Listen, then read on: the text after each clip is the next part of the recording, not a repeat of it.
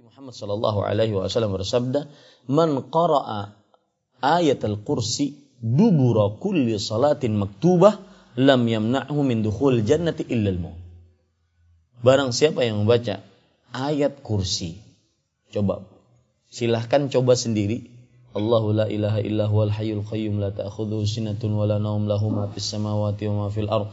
Man dhal ladzi yashfa'u 'indahu illa bi idzni ya'lamu ma baina aydihim wa ma khalfahum wa la yuhituna bi syai'in min ilmihi illa bima syaa' wasi'a kursiyyus samawati wal ard wa la ya'uduhu hifdhuhuma wa huwal 'aliyyul Kata Rasul sallallahu alaihi wasallam barang siapa yang membaca ayat kursi di setiap akhir sholat wajib maka tidak ada yang menahannya dari masuk surga kecuali kematian.